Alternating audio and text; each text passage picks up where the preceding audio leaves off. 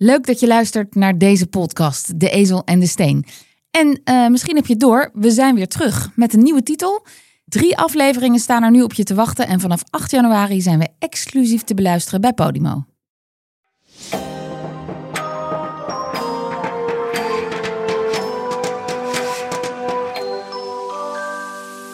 Dit is De Tijd zal het leren.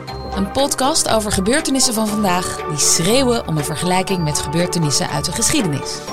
Ik ben Lisbeth Staats, journalist, en ik zit hier met twee specialisten en liefhebbers aan tafel.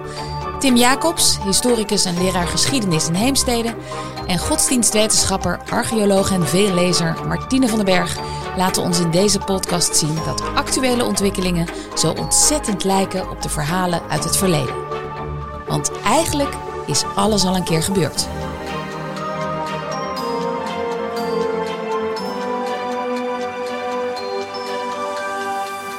Met vandaag de energiecrisis. Want gas en olie uit Rusland leek voor de meeste Europeanen de laatste jaren even vanzelfsprekend als het water uit de kraan. Terwijl het veranderende klimaat al lang om een alternatieve energiebron schreeuwt, werden echte investeringen lang uitgesteld. Totdat Rusland Oekraïne binnenviel. Toen keken we ineens heel anders naar die pijpleidingen.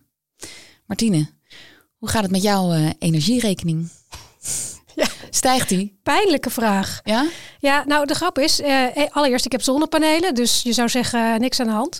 Maar ik heb ook uh, stadsverwarming. Ja? En ik dacht hele lange tijd dat ik daarmee een energie- en klimaatvriendelijke oplossing had. Maar wat blijkt, Eneco, die de stadsverwarming verzorgt, die uh, verstookt daarvoor uh, biomassa. Of ze uh, stoken op gas. dus het is en politiek incorrect en het is voor het klimaat helemaal niks. En inderdaad, de gasprijs of de, de, de prijs van de warmte ging met 70% omhoog. 70%. je hebt dus variabel. Nou, per, per, één keer per jaar krijg ik uh, een verhoging. En die was in dit geval 70 okay, Dus uh, dat is uh, behoorlijk. Oké. Okay. Ik had een contract afgesloten met voor groene energie. Maar dat loopt af. Dus nu ben ik wel het, uh, het Ja, met vast ook of niet? Dat, Ja. dat heb ik ook. Ja. Ja. Dat loopt nu ook bij mij over twee maanden af. Dus ik ga Ja. binnenkort eens bellen. Maar toch een keer minder uit eten dan eh de maand, vrees ik. Of minder koken, minder gasverbruik. Ja, ja, meer uit eten, minder gas thuis. Ja. En eh, in de klas, eh, Tim, zoiets abstracts zou je kunnen zeggen als de energiecrisis. Leeft dat onder kinderen? Of gaat het dan Nee, vooral over nee. het klimaat? Vooral klimaat eh, gerelateerd dat ze daar bang eh, voor zijn. En dat dat, dat dat spannend is. En of die transitie op tijd eh, nou ja, echt, echt onderweg is. Tegelijkertijd Mhm. vinden ze het ook wel moeilijk om in hun eigen leven daar keuzes voor te maken. Want als het gaat over vlees eten bijvoorbeeld, dan wil iedereen toch wel zijn biefstukje blijven eten. Ook leerden, ook die generatie. Nou ja, niet, de- niet de hele klas. Maar ja, dat, dat valt mij wel op. Ik had daar, ik had daar iets meer, eh, ik had daar iets meer activisme. eh, eh. Ik dacht altijd Verwacht. dat onze generatie niet van het vlees af te nee, maar ze, ze, vinden, ze maken zich allemaal wel heel erg zorgen. Maar ze vinden dan ook dit... nee, het is ongelooflijk die, dat ze allemaal aan vlees eten. Nee, goed, moet niet overdrijven. Maar in ieder geval wel een aantal leerlingen die heel duidelijk zeggen... nee, ik kan het niet opgeven, mijn biefstukje. Pap, pap, pap. Maar, nee. Maar oké, deze energiecrisis moeten we even, even bespreken. Die heeft twee componenten: het klimaat en ook de geopolitiek. Want eh, nou ja, het klimaat schreeuwt dus al langer om verandering, maar nu worden we opeens hyperbewust van onze situatie en onze afhankelijkheid van het Russische gas. Laten we daar even op inzoomen. Ehm, wie wil even de stand van zaken over het klimaat doen? Martine? De stand van zaken, nou, het is niet best. Eh, dat zal niemand eh, verrassen. Nee, we hadden natuurlijk, eh, eh, wat was het, oktober, november vorig jaar Ja. hadden we Glasgow. En daar werd natuurlijk eh, ongelooflijk hard geknokt om ehm, eh, te voorkomen dat de 1,5 eh, ehm, eh, graden temperatuursverhoging, daar, hè, dat, dat dat het maximum zou blijven. Nou, dat is natuurlijk, dat, dat, dat, dat, was, dat was een heel moeilijk proces. En dat geeft al aan dat er heel veel andere belangen meespelen, waardoor het helemaal niet makkelijk is om zo'n beslissing Nee. te nemen. Ehm, daarna kregen we een nieuw kabinet. En dat nieuwe kabinet dat besloot dat we in 2030 55% reductie van eh, CO2-uitstoot moeten bewerkstelligen. En dat is wel een heel ambitieus plan. En dat is eigenlijk voor het eerst dat, eh, dat een kabinet eh, zulke drastische plannen heeft eh, aangekondigd. Maar goed, het moet nog wel eventjes eh, Nee, en natuurlijk nu nog urgenter door het IPCC-rapport... wat eigenlijk aan het begin van de Russische invasie in Ja. Oekraïne... natuurlijk wat een beetje ondergesneeuwd is door... Nou, dat, dat, dat zegt al heel veel, vind ik. Maar, eh, maar het is heel ambitieus wat ze willen gaan, eh, wat ze- willen gaan doen. Want het laatste IPCC-rapport, dat was een soort eh, ja, een soort bijlage bij Ja, het eerdere ja, daar wordt natuurlijk eigenlijk al gezegd dat die, dat die, dat die twee of anderhalve gaat, dat, dat, dat de kans dat we het nog gaan redden ontzettend klein is. En dat er een heleboel kantelpunten zijn waar we misschien overheen gaan, waarvan we eigenlijk niet weten hoeveel sneller het dan nog gaat als je die kantelpunten overheen bent. De is- anderhalve graad eh, opwarming van de aarde heb je het dan over. En dan de geopolitieke situatie. Nou ja, Rusland is Oekraïne binnengevallen. Eh, wij willen niet door middel van eh, het kopen van Russisch gas die oorlog financieren, is het idee. Maar hoe afhankelijk zijn we?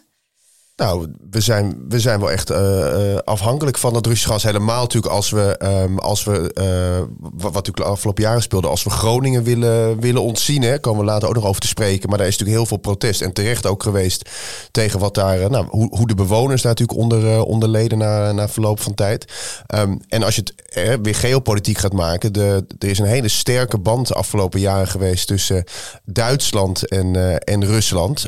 Met name ook door dat gas en met die die gemaakt zijn. Ru- Duitsland wilde eigenlijk altijd een beetje de brug zijn tussen West-Europa en, en Rusland. En daar heeft, eh, daar heeft Scholz nu eigenlijk voor het eerst eh, nou ja, korte metten meegemaakt door, deze, eh, nou ja, door die crisis. Door te zeggen, we, moeten niet langer afhankelijk zijn van, van Van Russisch gas. Dus dat zijn grote, dat zijn grote veranderingen. En wat, wat ik wel grappig vond nog te zeggen. Ik had laatst, ik was een les aan het geven voor een soort van burgerschapsvak. En dan gingen we debatteren. En een andere collega van mij had dat al, had die les al gemaakt. Dus die les was al twee jaar oud of zo. En dan gingen we eerst naar een stukje van het jongerenlagerhuis kijken. kijken wat denk ik nou, tien jaar oud al was of zo, negen jaar oud. En daar ging het dus over de vraag toen al, eh, vanuit Groningen, moeten we meer Russisch gas eh, importeren? En die kinderen natuurlijk, of die, die leerlingen natuurlijk allemaal heel goed ingestudeerd aan het fragment wat ze gingen zeggen. En daar wordt natuurlijk ook het argument gezegd, ah, handel is juist goed, want dan gaan onze betrekkingen eh, Worden beter. worden beter. Terwijl dan weer de tegenargumenten waren, ja, maar we moeten niet afhankelijk worden van de boze brombeer Poetin. Dus En dat was tien jaar geleden ongeveer. ja, dat, was- voor mij was dat tien, negen jaar geleden. leerlingen. Ja, ja, ja, ja. ja. Maar goed, de, we kunnen concluderen dat we nu pas wakker worden over die afhankelijkheidspositie, terwijl natuurlijk al jarenlang heel kwetsbaar was, onze afhankelijkheid. Ehm, een energiecrisis die zowel eh, klimaatgerelateerd is als geopolitiek. Waar doet ons dat aan denken, Martine? Ja, nou, ik vind dat echt wel heel erg bijzonder. Want dat hebben we inderdaad precies zo eh, eerder meegemaakt. Eh, de parallel eh, ligt voor de hand. Hè. In begin jaren 70 kwam eh, de Club van Rome met een rapport, de grenzen aan de groei. En dat schudde een aantal mensen wakker, niet iedereen. En daardoor ontstond er debat over grondstoffen. Zijn die eindig? Hè? Kunnen we die fossiele brandstoffen wel altijd blijven gebruiken? En wat als ze opraken? Het ging ook overigens ook over een heleboel andere dingen. Het klimaat was daarbij maar een heel klein onderdeel. Het enige waar ze echt het over hebben is, is, die is en CO2-uitstoot. Ze begrepen toen al dat CO2-uitstoot een probleem zou gaan worden. Maar het was maar een klein onderdeel van het probleem. Het was vooral angst dat Dat het op zou raken. Op zou raken. Ja, ze, precies. kon, ze konden uit die cijfers de, de gevolgen van die CO2, die klimaatverandering, dat, dat wist men nog Precies, niet of niet dat goed was nog niet duidelijk. Dus aan de ene kant ontstond er dus een soort besef dat het klimaat iets, of het klimaat, dat, eh, dat we bezig moesten met een energietransitie. Eh, en toen kwam de oliecrisis. En de oliecrisis was een geopolitieke crisis, want dat begon met, eh, met, eh, Ja, met de oorlog, in het Midden-Oosten, Yom Kippur. Ehm, Nederland was eh, destijds een grote sponsor van Israël. En daarom werd Nederland ook heel hard getroffen door die oliecrisis. Hè. We werden geboycott door de Arabische landen. Dus er was gewoon niet genoeg olie. CQ Energie. Dus moesten we allemaal minder gaan rijden. Nou, daar kwam dus de autoloze zondag uit voort. Eh, en ehm, er, was ook, eh, er werd ook geadviseerd op allerlei manieren om bijvoorbeeld minder hard te rijden, om thuis minder energie te verbruiken, et cetera, et cetera. Een Dus beetje zoals nu. precies, het was eigenlijk heel eh, eh, eh, duidelijk. Dus aan de ene kant had je, had je de, de, de overweging van grenzen aan de groei en aan de andere kant de crisis, waardoor een heel diep besef ontstond, niet alleen bij burgers, maar ook bij de overheid. We moeten echt minderen met het gebruik van energie. En je zei net even in een bijzin de Yom Kippur-oorlog. Kun je nog even in de kern zeggen eh, waar die om draaide? Waarom daardoor minder olie naar onze kant op kwam? Ja, dus de, de Arabische landen werkten, eh, kwamen op dat moment in een soort coalitie en keerden zich tegen Israël, dat in, eh in 67 eh, de oorlog had eh, eh, gewonnen. Dus er was veel wrok. En eh, bij de Yom Kippur-oorlog was er eigenlijk een soort verrassingsaanval op Israël, waarbij ehm, dus Egypte en, Syrië samenwerkten. Eh, dat, dat, dat leverde eigenlijk eh, tot eh, heel, veel, heel veel protest op in de westerse wereld. Eh, en eh, daardoor zeiden de Arabieren nou, we zullen even laten zien wie hier aan de touwtjes trekt. Wij draaien de kraan van de olie dicht. En dan zullen jullie wel voelen als je niet begrijpt dat we serious business praten. Autoloze zondagen, snelwegen leeg, mensen gingen rolschaatsen. Die beelden die, kan, die heb ik zo vaak gezien, denk ik. Ja. Ik was er niet bij, maar uh, nou ja, dat zijn voor Nederland iconische beelden geworden. En ook de politiek bemoeide zich ermee. Uh, daar hebben we een fragment van. Joop den Uyl. Ja, het is echt, uh, echt een fantastisch fragment waarbij de echo zeg maar, naar het heden wel heel erg luid klinkt. Misschien kunnen we er even naar luisteren. Premier Joop den Uyl. We moeten beseffen met elkaar dat we niet kunnen voortgaan met het verbruik van beperkte voorraden brandstoffen en grondstoffen, zoals we dat in de laatste kwart eeuw hebben gedaan. Zo bezien keert de wereld van voor de oliecrisis niet terug. Wij zullen ons blijvend moeten instellen op een levensgedrag met een zuiniger gebruik van grondstoffen en energie. Daardoor zal ons bestaan veranderen. Bepaalde uitzichten vallen daardoor weg. Maar ons bestaan hoeft er niet ongelukkiger op te worden. Wat een mooie dictie, hè? Prachtig. Energie, zegt hij ook. Ja. En een mooie hele laatste zin vind ik. We hoeven er niet ongelukkiger van, uh, of minder Ja. gelukkig om Ja. eh, te worden. Dus minderen betekent niet ongelukkiger worden. Nou, dat, eh, daar zullen we nog wel even over moeten discussiëren in deze Maar als je dit hoort, denk je, ja, oké, waarom hebben we toen dan niet geluisterd? Want dan zaten we nu niet in de penarie. Ja, sterker nog, in 74 werd het ook daadwerkelijk een wet. Hè? Dus de, de, de, het was eerst op het gebied van, eh, van de overheid eh, advies. Hè? Dus eh, in plaats van 130 rij 100. Nou, waar kennen we dat van? Ehm, dus het was allemaal, hè, dan draaide de verwarmingen wat lager. Het was allemaal advies. Maar in 74 volgde er ook echt een, eh, een energienota met Lubbers, toen nog eh, minister. Die ehm, pleitte voor de afname van het gebruik van aardgas en olie. Ehm, en daarvoor in de plaats kolen. Dus dat ging duidelijk nog niet om Lekker het klimaat. groen, ja. En kernenergie. Ja. En, en dat zou heel belangrijk worden in, eh, in de ontwikkeling. Want er was dus besef, we moeten diversificeren. Maar ehm, of dat goed was voor het klimaat, dat speelde nog, eh, nog Het ging, geen het rol. ging echt om ons gebruik, hè? En of, hoe we een eventueel tekort zouden kunnen. Ja, dus het gebruik verminderen en diversificeren. Die twee aspecten waren heel groot. En wat er natuurlijk nu bij is gekomen, is dat je ook eh, wil dat het, eh, dat het geen fossiele brandstoffen zijn. Want die kernenergie, Tim, dat, dat werd een heel onderwerp op zich, hè?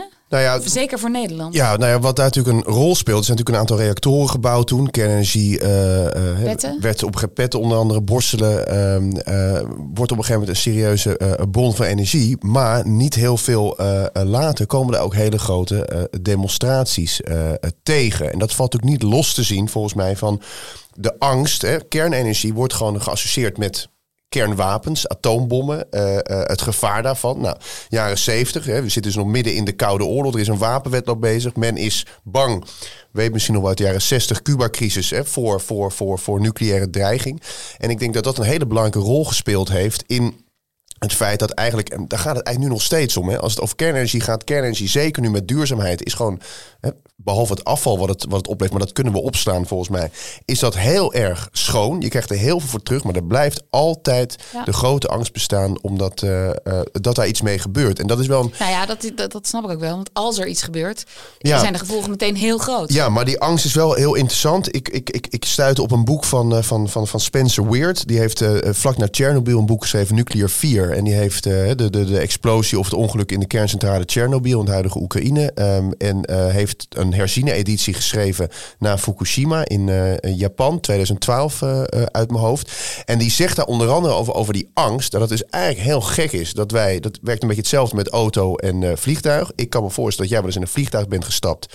ehm, en dat er heel even door je hoofd is gaan. Goh, wat als hij neerstort? Terwijl je veel vaker in de auto stapt. Tenminste, ik ga er even voor het gemak vanuit Ja. dat je een rijbewijs hebt dat je wel eens auto rijdt. En dat je die angst dan niet hebt. Terwijl er veel meer ongelukken met auto's gebeuren dan met vliegtuigen.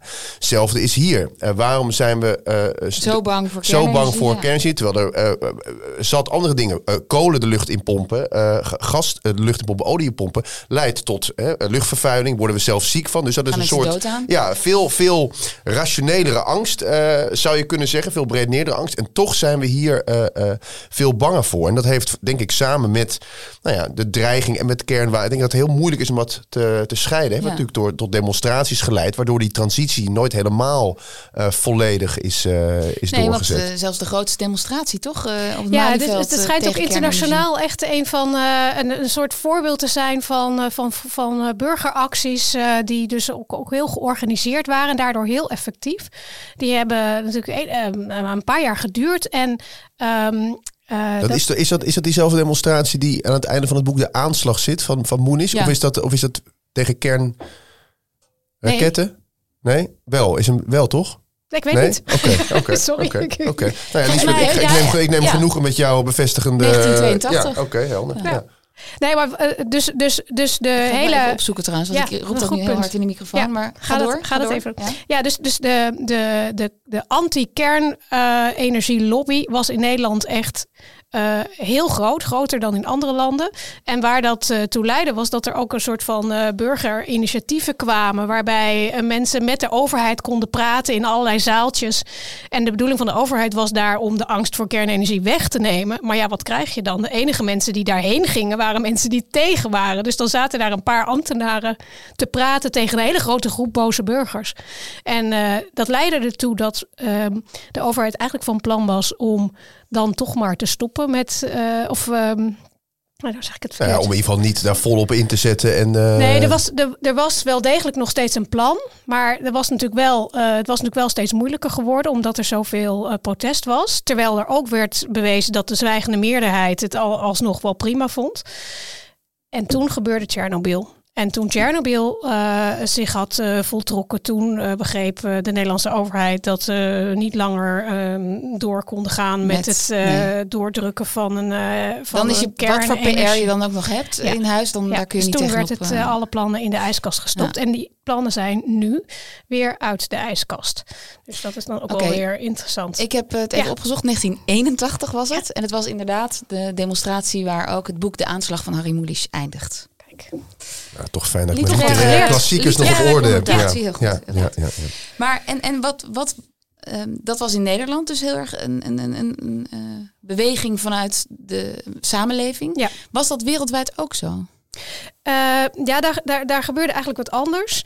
Um, wat er, en Amerika nam daarin het de voortrekkersrol. Ook in Amerika hadden mensen natuurlijk het uh, rapport van Rome gelezen. En er was, het was op dat moment, en dat is misschien nu met de kennis van nu moeilijk voor te stellen, maar was het totaal niet politiek. Dit was gewoon een onderwerp waar mensen zich in verdiepten en wat over vonden. Maar dat liep niet langs partijlijnen. Maar wat er dan gebeurt is dat uh, er een, uh, een, een essay wordt gepubliceerd, of dat was eigenlijk de twee jaar daarvoor van Milton, over het aandeelhouderskapitalisme. En Milton Friedman, hè, bedoel je? Friedman, ja, ja. zei ik? Milton. Ja, gewoon voor hem. Ik weet niet hoe goed je hem kent, maar daarom dacht ik... Uh... Milton Friedman, ja.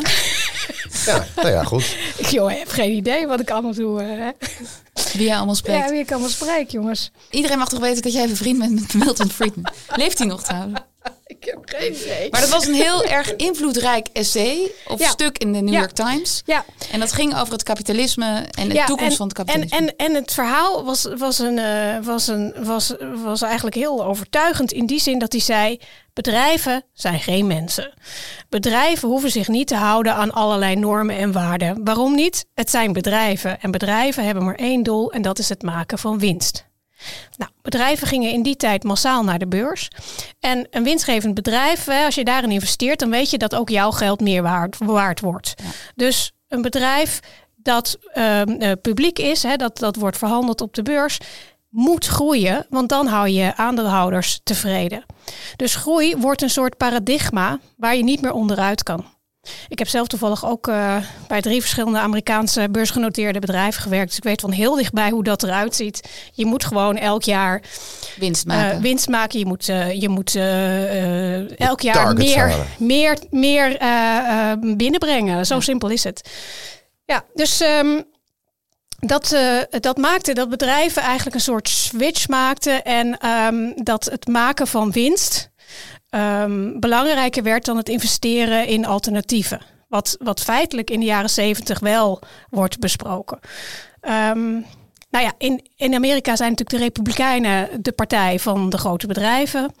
Uh, maar heeft dat, heeft dat ook te maken dan met de termijn waarop het gebeurt? Want je kan ook best zeggen, als je, stel je zou in de toekomst kunnen kijken en je zegt van hé, hey, wacht even, we zien een ontwikkeling aankomen. En eigenlijk als we daarin mee willen, dan zullen we nu moeten investeren. Zit er dan ook iets in dat die aandeelhouders op korte termijn geld willen, dat het dus voor bedrijven moeilijker is? Oké. Ja, je hebt elk jaar je, je annual, annual report en met de aandeelhoudersvergadering, daar moet je um, verantwoording afleggen over waarom je al dan niet bent gegroeid. Als je niet bent gegroeid, heb je een probleem, want dan gaan mensen uh, bij jou weg en dan wordt je aandeel uh, minder waard en dan uh, kun je ja. nog minder doen. Dus er is een soort van perverse prikkel, of dat is misschien een beetje een, een mening, maar ik vind dat pervers, dat je alsmaar moet groeien. Als je dat namelijk niet doet, dan word je door je concurrenten die wel groeien uh, de markt uitgezet. Dat is nu een beetje aan het veranderen.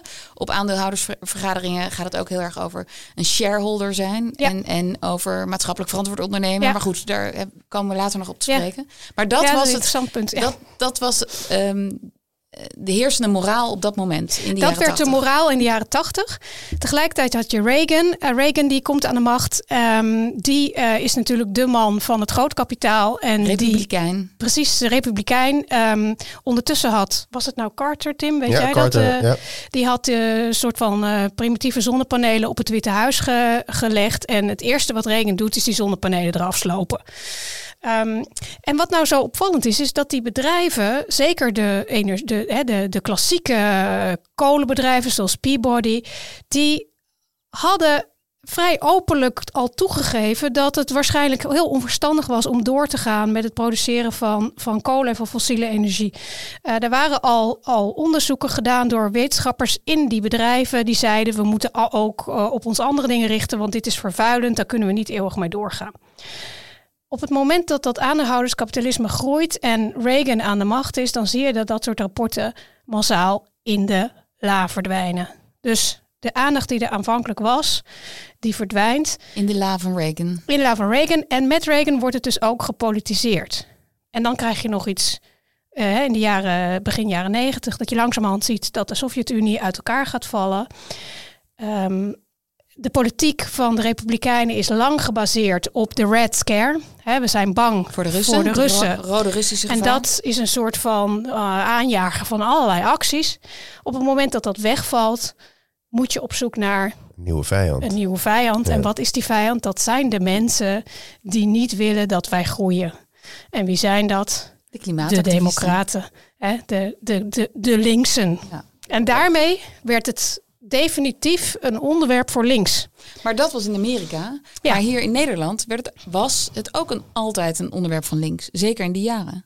Ja, maar dat denk ik dat het ook daarmee te maken heeft. Eigenlijk met het, ook met het aandeelhouderskapitalisme, met, met, met neoliberalisatie of neoliberalisering uit de jaren negentig. Dat we daar eigenlijk voor mij gewoon in, uh, in, in mee zijn gegaan. En voor mij zo'n ik, ik, ik kan me tenminste voorstellen dat, dat, dat, dat Reagan, waarvan ik ook al weet dat hij ook wel een paar dingen zeg maar, voor energietransitie, tenminste uh, voor uh, uh, positief beleid ervoert, dat zo'n dat weghalen van die zonnepanelen waar jij het net over had, dat dat niet eens zo per se is van ik wil geen duurzame energie, maar het gaat erom dat die American Dream, wij gaan winnen van die Sovjet-Unie, onze ideologie is beter en onze ideologie bestaat er nou eenmaal in dat wij kunnen kopen wat we willen. Dat is onze vrijheid. Daar hoort, bij. Daar hoort altijd groei bij en dus gaan we niet terug. En wat jij natuurlijk um, uh, ook terecht zei, dat, dat zo'n bedrijf als Peacock, en hetzelfde geldt voor, voor Shell of, of, of ook ExxonMobil, dat die al in de jaren 70, begin jaren 80 al inderdaad zelf onderzoek deden, dit is niet oké. Okay.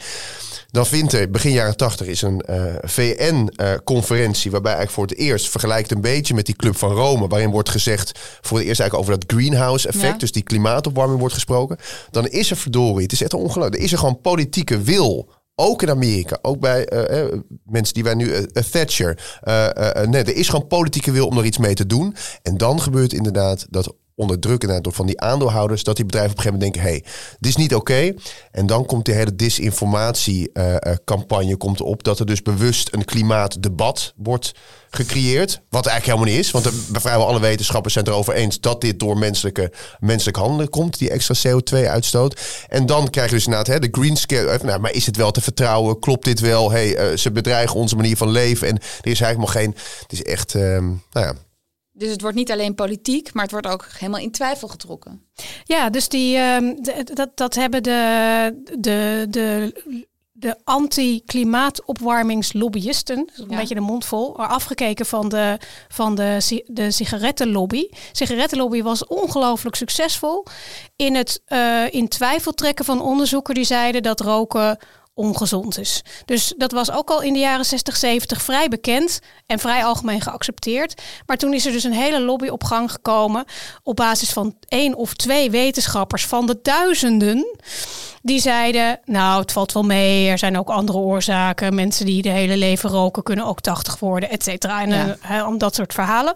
Nou, daar hebben ze gewoon letterlijk het playbook van overgenomen. En hebben dus ook een paar wetenschappers gevonden die bereid waren om te zeggen dat het misschien wel meeviel. Of dat er misschien wel een andere oorzaak was. Of dat het niet duidelijk was of er oorzaak was. En vervolgens werd dat gepresenteerd alsof de wetenschap 50-50 verdeeld was over dit issue. Maar dat is toch heel interessant dat het mensen lukt om te doen alsof de wetenschap 50-50 verdeeld is. Ja, en dat is natuurlijk als de consequentie van, van die uh, opinie heel positief is. Hè? Want dan kunnen we gewoon lekker doorgaan met consumeren en met het, het gebruik van fossiele energie. Dan hoeven we niet bang te zijn dat we straks, zoals de NL zei, uh, uh, wat zei die nou, toekomstperspectieven wegvallen. ja, ja maar we konden nog wel steeds gelukkig zijn ook. Hè? Maar wel, ja, ja, maar ja, ja. ja, toch? Dus ja. we, we, met maar, meer, we kunnen meer met minder misschien wel. Maar op het moment dat iemand zegt, ja, meer met minder, als het niet hoeft, dan liever niet.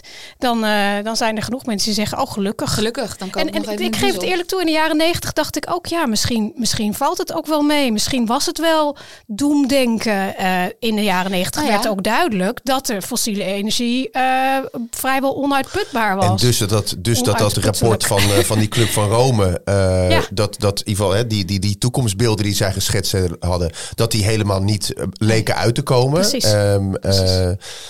Dus dat gaat ook weer voer voor. Ja. Uh... Nou, en, maar ik heb zelf ook wel eens bedacht. Uh, toen ik tiener was, toen was de grote dreiging zure regen. Ja. Ik, ik heb al decennia niemand meer over het zure ja, regen. Ja, dat is een heel goed punt. Waar is zure regen is namelijk een van de weinige dingen die we wel hebben kunnen oplossen. Ja, dat is echt. Uh, en en uh, dat heeft ook te maken met overheidsingrijpen. Die zijn, heel, die zijn er helemaal vol ingegaan. Maar de reden dat dat is gelukt, is omdat het redelijk makkelijk was. Het, hoeft, het kostte namelijk niet heel veel geld je moest de, de, de CFK's volgens mij. CFK's, oh, ja. die moest je verbieden en die mochten dan niet meer in die spuitbussen zitten.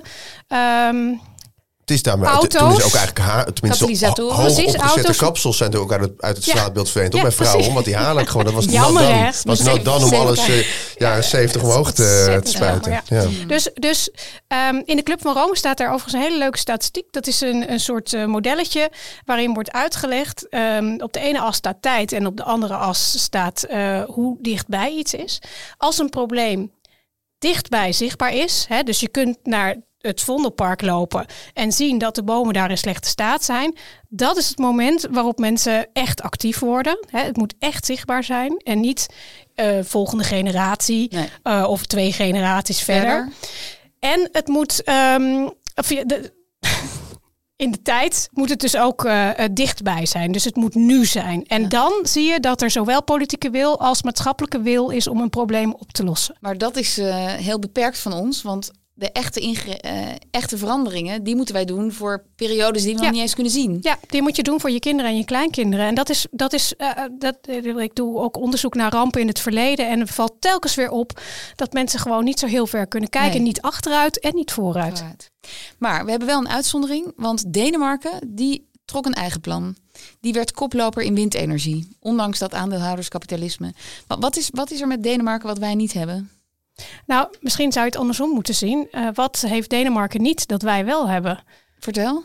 Wij hebben een gasbel.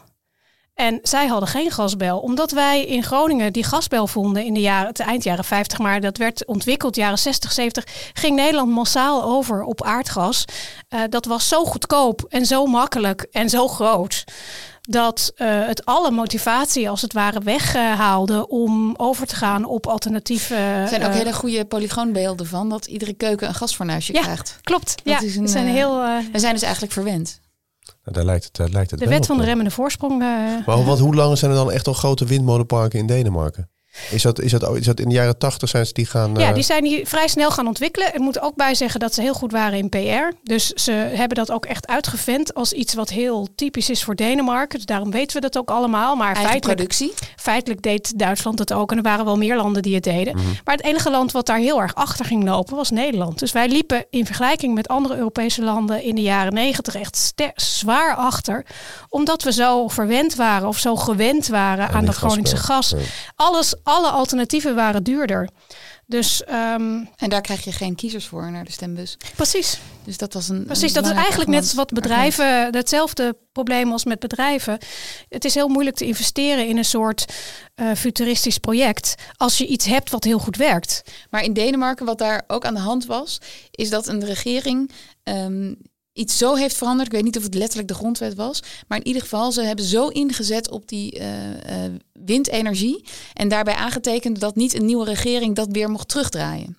Dus zij regeerden over hun eigen graf. En 25 jaar, dus ruim een generatie vooruit. Oh, dat is een hele goeie. Ja. Dit, dit, is dus het te tegendeel van niet over je eigen schaduw heen stappen. Of, ja. of wel? Ja, dus ja. ja. ja. Is, zou, zou je trouwens, ik net denken, zou je de, de, de protesten die nu uh, uh, op sommige plekken, ook wel bijvoorbeeld aan de rand van Amsterdam, weet ik dan, omdat ik daar zelf uh, woon, tegen de plaatsing van die windmolens, wat natuurlijk heel vaak over uitzicht gaat, maar ook wel mensen die zich echt zorgen maken over dat dat schadelijke effecten heeft, een beetje mm -hmm. vergelijkbaar met zendmasten of zo. Zou je, kunnen we dat vergelijken met de angst voor kernenergie op een bepaalde manier? Of is, dat, of is dit kleinburgerlijker, om maar eens een, een leuk woord nou, van en ik denk halen. ook cosmetischer.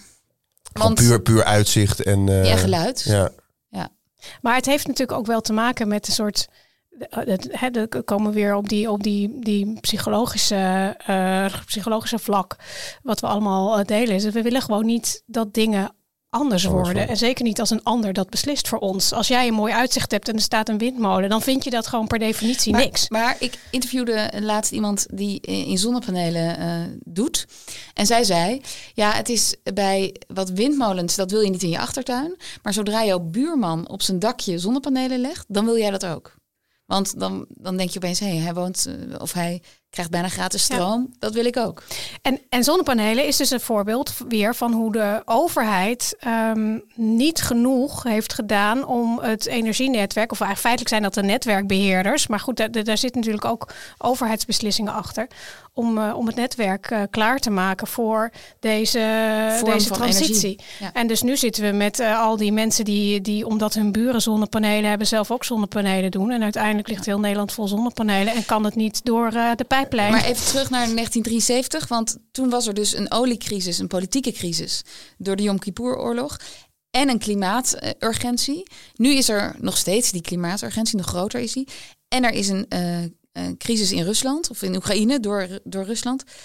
Ja, wat, hoe liep het toen af en hoe zal het nu aflopen? Nou ja, hoe het toen afliep is dus dat er eigenlijk daarna niks veranderd is. Tenminste in, in, in Nederland. En we hebben, hebben net proberen te vertellen, Martien heeft het net uitgelegd met het aandeelhouderskapitalisme. Nou ja, wat, wat, wat daar oorzaken van lijken uh, te zijn.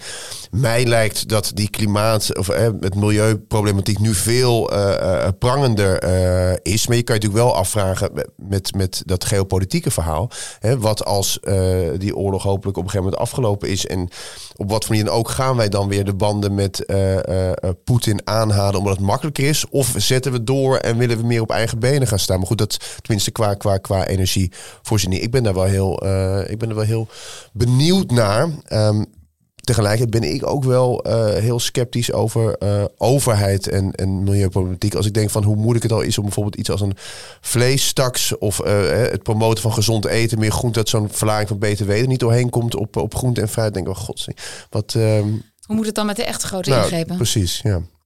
Ja, ik zou ontzettend graag willen zeggen van nou, nu is de crisis zo overduidelijk en klimaat en geopolitiek. Nu gaan we om. Dit nu is het kantelpunt. Ja.